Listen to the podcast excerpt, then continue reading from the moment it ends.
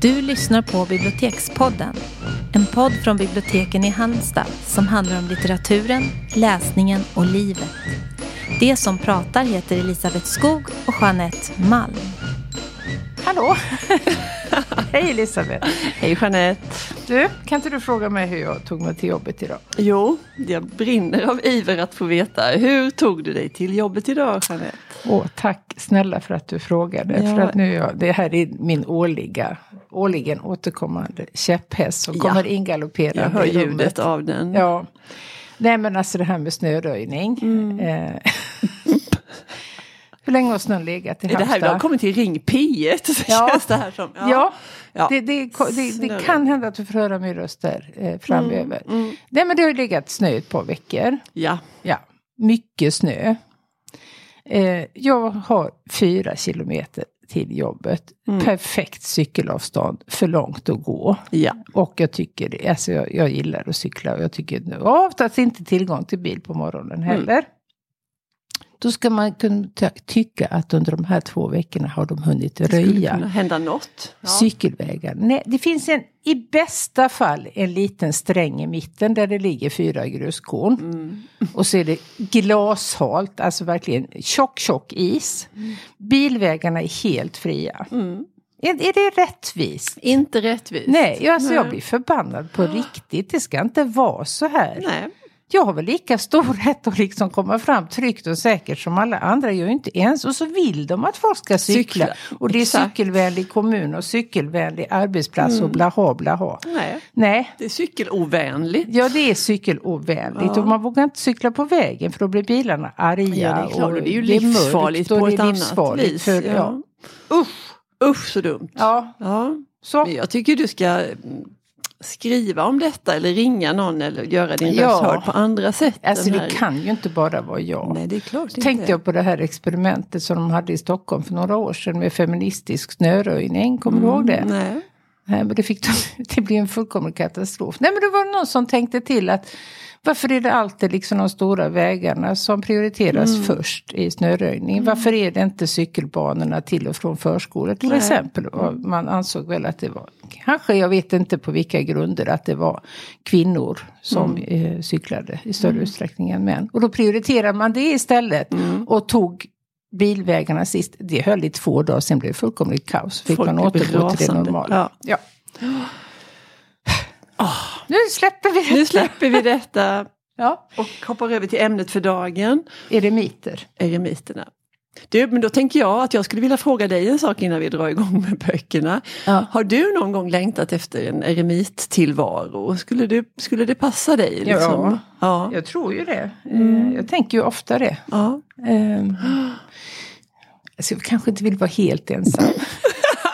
Då faller det lite grann. Det lite. Nej, det vill jag inte. Nej. Eh, För jag är ganska sällskaplig av mig. Men jag kan också längta väldigt starkt efter liksom ensamhet och Mm. frihet att göra precis vad man vill. Mm. Det är lockande. Ja.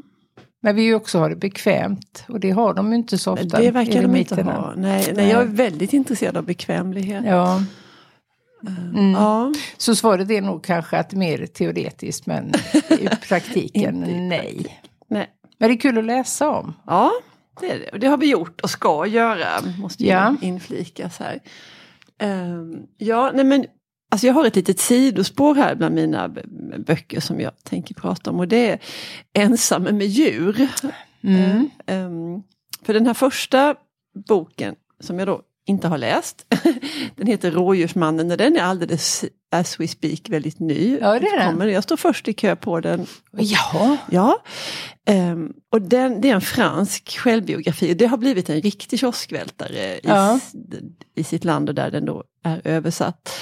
Eh, det handlar om en, när han ja, i början då säger han pojke, han växer upp så småningom, Geoffrey Delorme. Ehm, han, han stöter på, han bor i Normandie någonstans och en dag i skogen så stöter han på ett rådjur. Och det här rådjuret verkar vara en nyfiken krabat så det uppstår liksom, det blir ett Den springer inte starkt iväg? möte. Nej, det gör den väl inte riktigt, det, Nej. det framgår inte. Men eh, alltså det, det uppstår någonting mellan rådjuret och den här gossen. Um, och, och, det här det liksom leder fram till att han mer och mer vill vistas i skogen och hänga med de här rådjuren. Och det börjar med att han börjar, efter det här mötet, det magiska mötet. Det, det är lätt att göra sig lite lustig över detta, ja. hör jag mig själv ja. raljera lite här nu. Men det är ett starkt möte. Och han börjar inta sina måltider i skogen, det är liksom det första steget ja. till denna. Ja, men jag tänker också att eh får lägga orden rätt här, men att det här mötet, att det är så ensidigt medan den som upplever det tror att det är liksom... Ja. Men jag tror ju inte att vilda djur alls har den uppfattningen om men människor är ju liksom ett hot och man drivs helt av sina instinkter som djur, ja. vilket människor inte gör längre. Vi nej. har ju knappt kvar några instinkter. Nej, men det här, ja, ja och nej säger vi på det då. För, för ja. det, det, här leder till att han tillbringar sju år i skogen och att han, eh, han, han kommer väldigt nära en flock rådjur. Ja. Um, och um, om jag nu inte minns fel så, så, kan han liksom lära rådjuren att akta sig för, för jägare och för faror och skyttar och sådär. Kunde de inte det? Nej, han kan tipsa dem. ja. eh, han, ja, men så här har jag läst någonstans. Stycket när han dresserar djuren att känna igen jägarnas dofter och utseende ah. och sedan börjar leda dem i flock med skällande ljud. Är, det är liksom ett helt klassiskt stycke ja. litteratur. Ja. faktiskt. Nej men jag kanske bara avundsjuk. Ja. För att Nej men det här är ju klurigt. Ja, det är svårt. Det är svårt. För det, det finns också... Man förmänskligar djuren också ja, på något nej, men vis. Någon sån här disneyfiering ja. liksom av titta så gulliga de är. Rädda och... Willy. Ja, ja, mm. ja gud ja. Ja, men det här ska vara en Ja, det är känslosamt och det är starkt och det, ja. det sägs också innehålla poetiska undertoner. Men jag får väl kanske återkomma när jag har läst den. Ja. För jag känner en viss skepsis och samtidigt en, liksom, en dragning till det här som ja. jag inte riktigt kan reda i. Nej men, men jag känner nog precis samma sak mm. faktiskt. Mm. Och det, sen tror jag att det här kan vara en trend i kommande. För knappt hade man väl hunnit sätta upp det, sig på kö för Rådjursmannen när det dyker upp en bok som heter Räv och jag. Ja. Och då är det en kvinna som bondar med en räv och du trodde innan Inte att det... räven, utan nej, räv. Du, Han nej, heter det, är ett egennamn. Ja, eller ska det vara en snyggare Snyggare. Ja. Jag vet inte om räven heter räv men Nej. jag tror det är en snyggare titel än ja, räven okay. och jag. Det tycker jag att det är. Mm. Mm. Du trodde det var en barnbok här innan vi började ja, spela. Ja, det lät lite grann så. Ja. Gjorde det inte det? Ja men kanske, men det är det inte. För det här, men här är det en kvinna då, Catherine Raven heter hon. Lustigt nog. um, och hon bor för sig själv i, nu är vi i Montana.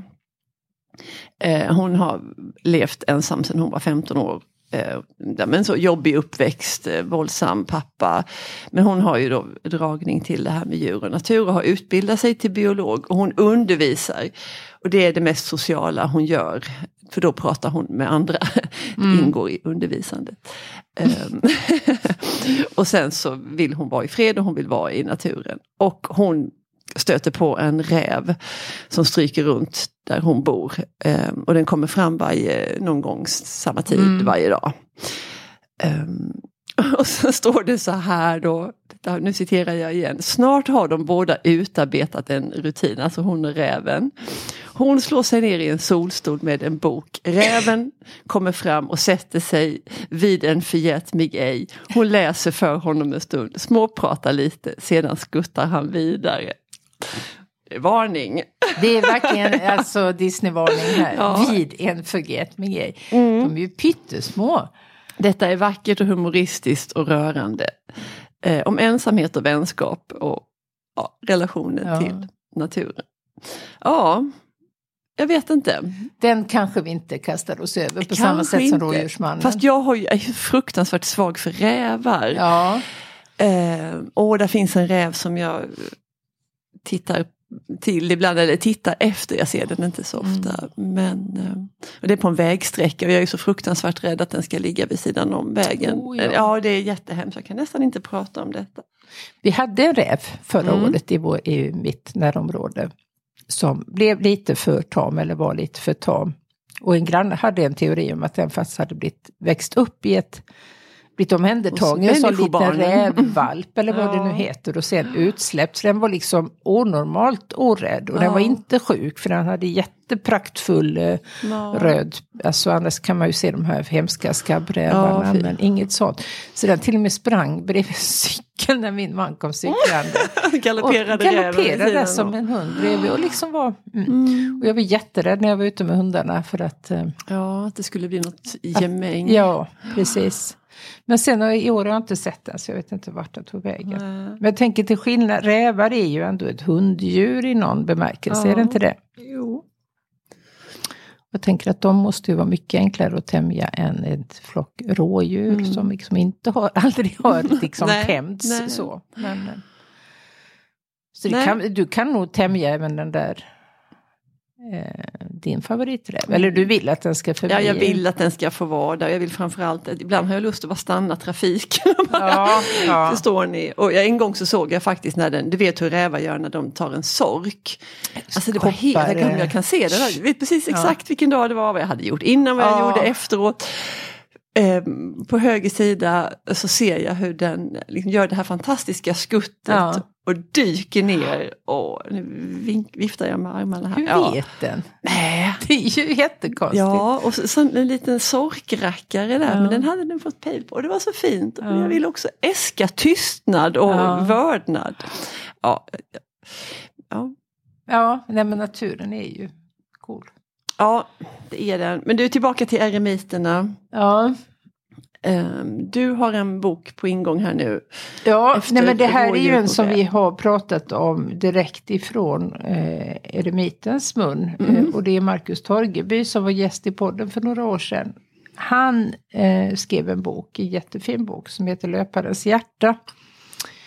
Som handlade om när han efter, han var ultradistanslöpare. Det betyder att man springer så Svinlångt. långa, alltså mil efter mil. Då är nog maraton nog bara en uppvärmning tror jag.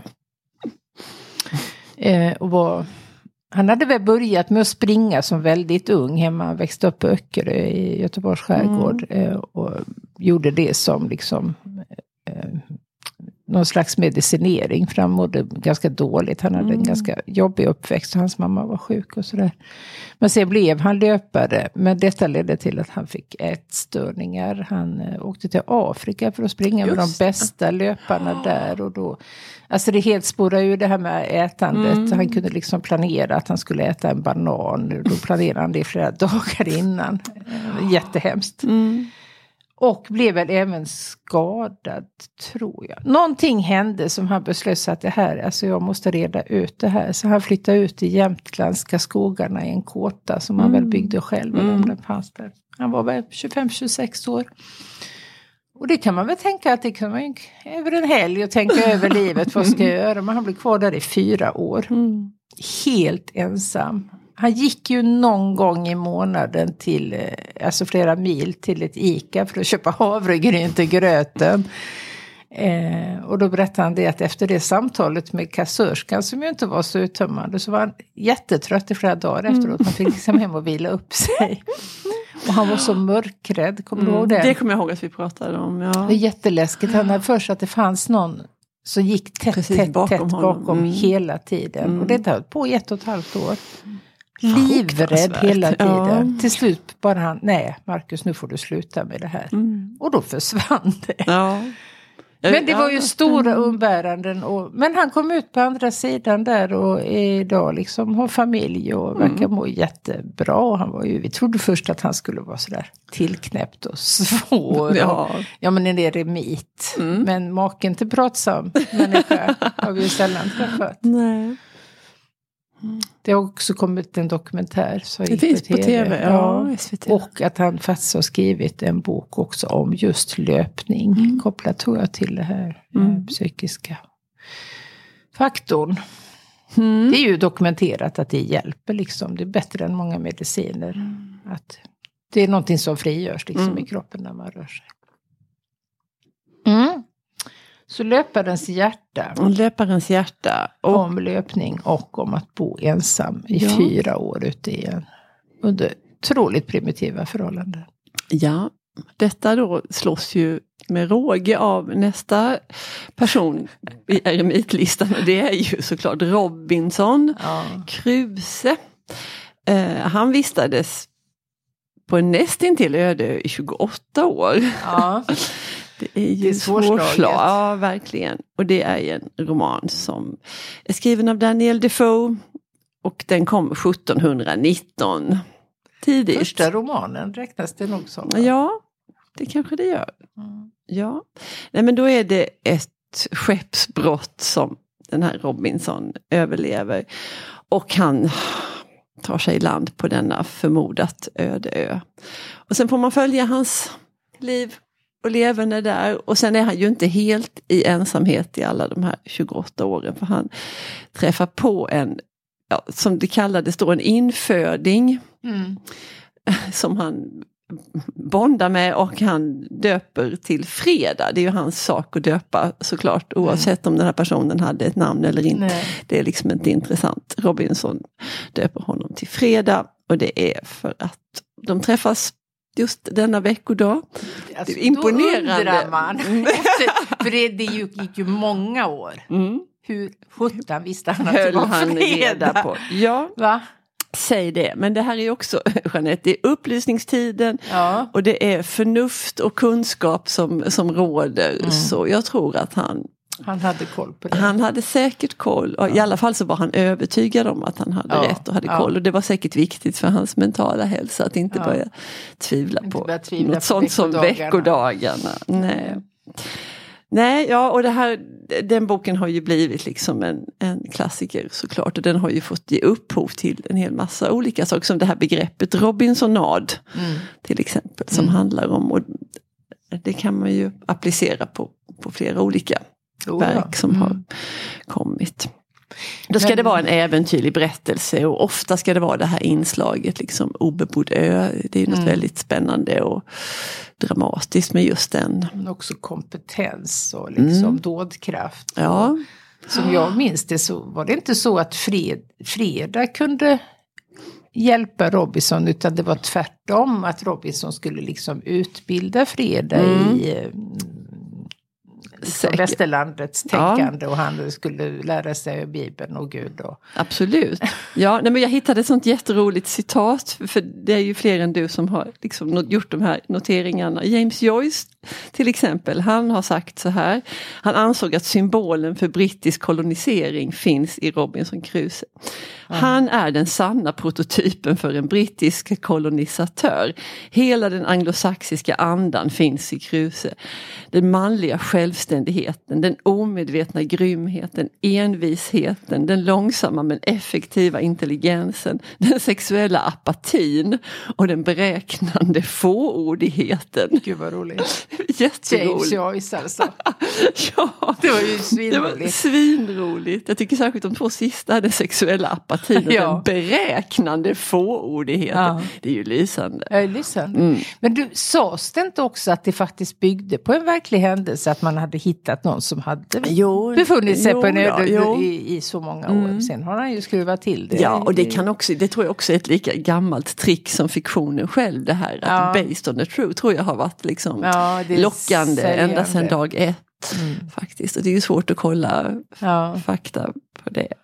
Men, nej, men alltså det, har, det finns jättemånga översättningar av den här boken och den är vad filmatiserad. många det finns. Ja, och den finns i lättläst och svårläst och Mm. eh, tillrättalagd mer eller mindre för Mm. barn, för småbarn. Och, för, och den har ju inte minst gett upphov till det här tv-programmet Robinson. Ja. Du vet. Ja. Ja, ja nej, men många, mycket till följd av Det är också fantastiskt. De där Crusoe. 300, 17, 18, 19, 20. 300 år Ja. sedan den skrevs. Mm. Och vi håller fortfarande Bra på. bok. Mm. Va? Ja. Nej men det, jag tycker, sånt tycker jag är jättehäftigt. Mm. Vad är skrivet idag, Idag, som nej men precis. läses som 300 Nej. år med Och- samma liksom, fascination? Nej, det kan man verkligen fråga Det sig. kan man fråga sig. Sånt, det tycker jag är spännande att tänka. Ja. Att man är så blind för sin liksom, närtid och vad Ja. som händer här nu. Vad är det som kommer att vara bestående? Nej, Vad kommer att ingen aning. Och vad är det för uppfinningar? Man tänker folk har uppfunnit fantastiska saker liksom förr när folk uppfann elden och hjulet och sånt där. Um, Jag brukar ju säga bank-id. ja, jag vet. Är tillskyndare av bank-id. Ja. Ja. Men visst har det Ja. underlättat livet. ja, det tycker jag ju också att värme i bilstolen. Ja, ratten. Ratten. Rattvärme. Ja, och den här värmen som går lite upp i ryggen tycker jag också är Mm. fina saker som är väl värda att minnas. Ja. ja, nej men vi får ju inte veta det. eh, Så att, eh, Nej. Men du, du har ju vi har också en given bok kvar Ja, att nämna. och han har väl skymtat förbi i Mm. podden. Alltså vi har ju på i snart sju år Elisabeth. det är inte kan undra på det? Nej, då får man upprepa man sig om, ibland. ja. Ja. det gör inget, Nej. tycker vi. Tycker ni annorlunda så finns det, ja, då får ni höra av er. Då ska vi skärpa oss. Men det är ju David Henry Thoreau Mm. som då eh, skrev Sk- Skogsliv vid Valden 1854. Det var ju också ett tag sedan. Ja. Den heter numera bara Valden. Mm. Och bygger, det är en berättelse som bygger på att han eh, flyttade ut eh, i en stuga.